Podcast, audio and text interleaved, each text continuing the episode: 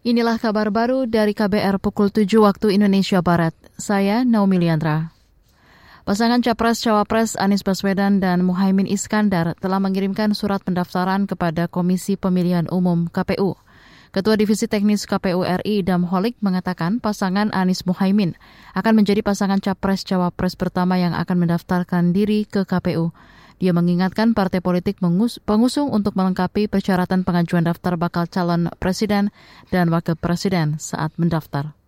Pada hari Sabtu sore, kami telah mendapatkan surat uh, menerima surat pemberitahuan rencana pendaftaran partai koalisi ya uh, atau gabungan partai politik dari Partai Nasdem, Partai PKB dan Partai PKS berencana akan mendaftarkan bakal pasangan calon presiden dan wakil presidennya pada hari pertama tanggal 19 Oktober 2023 jam 8 pagi sampai dengan selesai.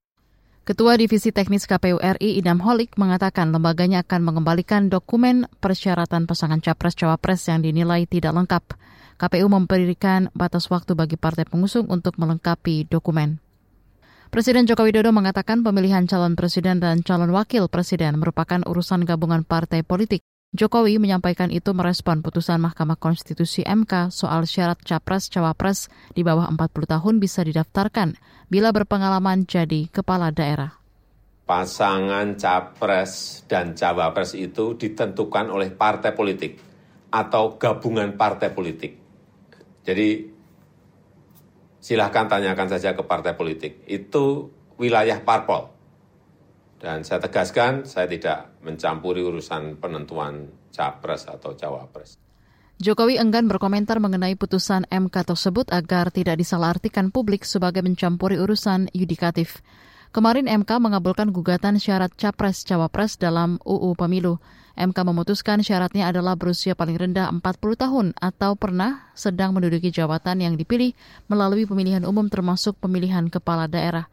Dengan putusan itu, sulung Presiden Jokowi, Gibran Raka Buming Raka, yang baru berusia 36 tahun bisa digadang jadi cawapres. Lembaga Anti Korupsi ICW mendesak Menteri BUMN menata ulang pengangkatan komisaris dan Dewan Pengawas sekaligus melarang praktik rangkap jabatan. Menurut staf divisi korupsi politik ICW, Sera Tamara, rangkap jabatan bertentangan dengan hukum dan melanggar etika. Kata dia kondisi itu berpotensi menghasilkan situasi diskriminatif antar birokrat dan mengganggu profesionalitas. Memang dalam hal rangkap jabatan salah satu yang menjadi persoalan adalah adanya income atau pendapatan ganda.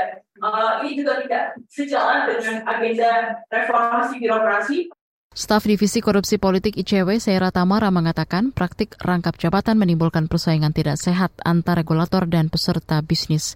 ICW mencatat hingga September 2023 lebih setengah dari 263 komisaris dan Dewan Pengawas BUMN melakukan rangkap jabatan.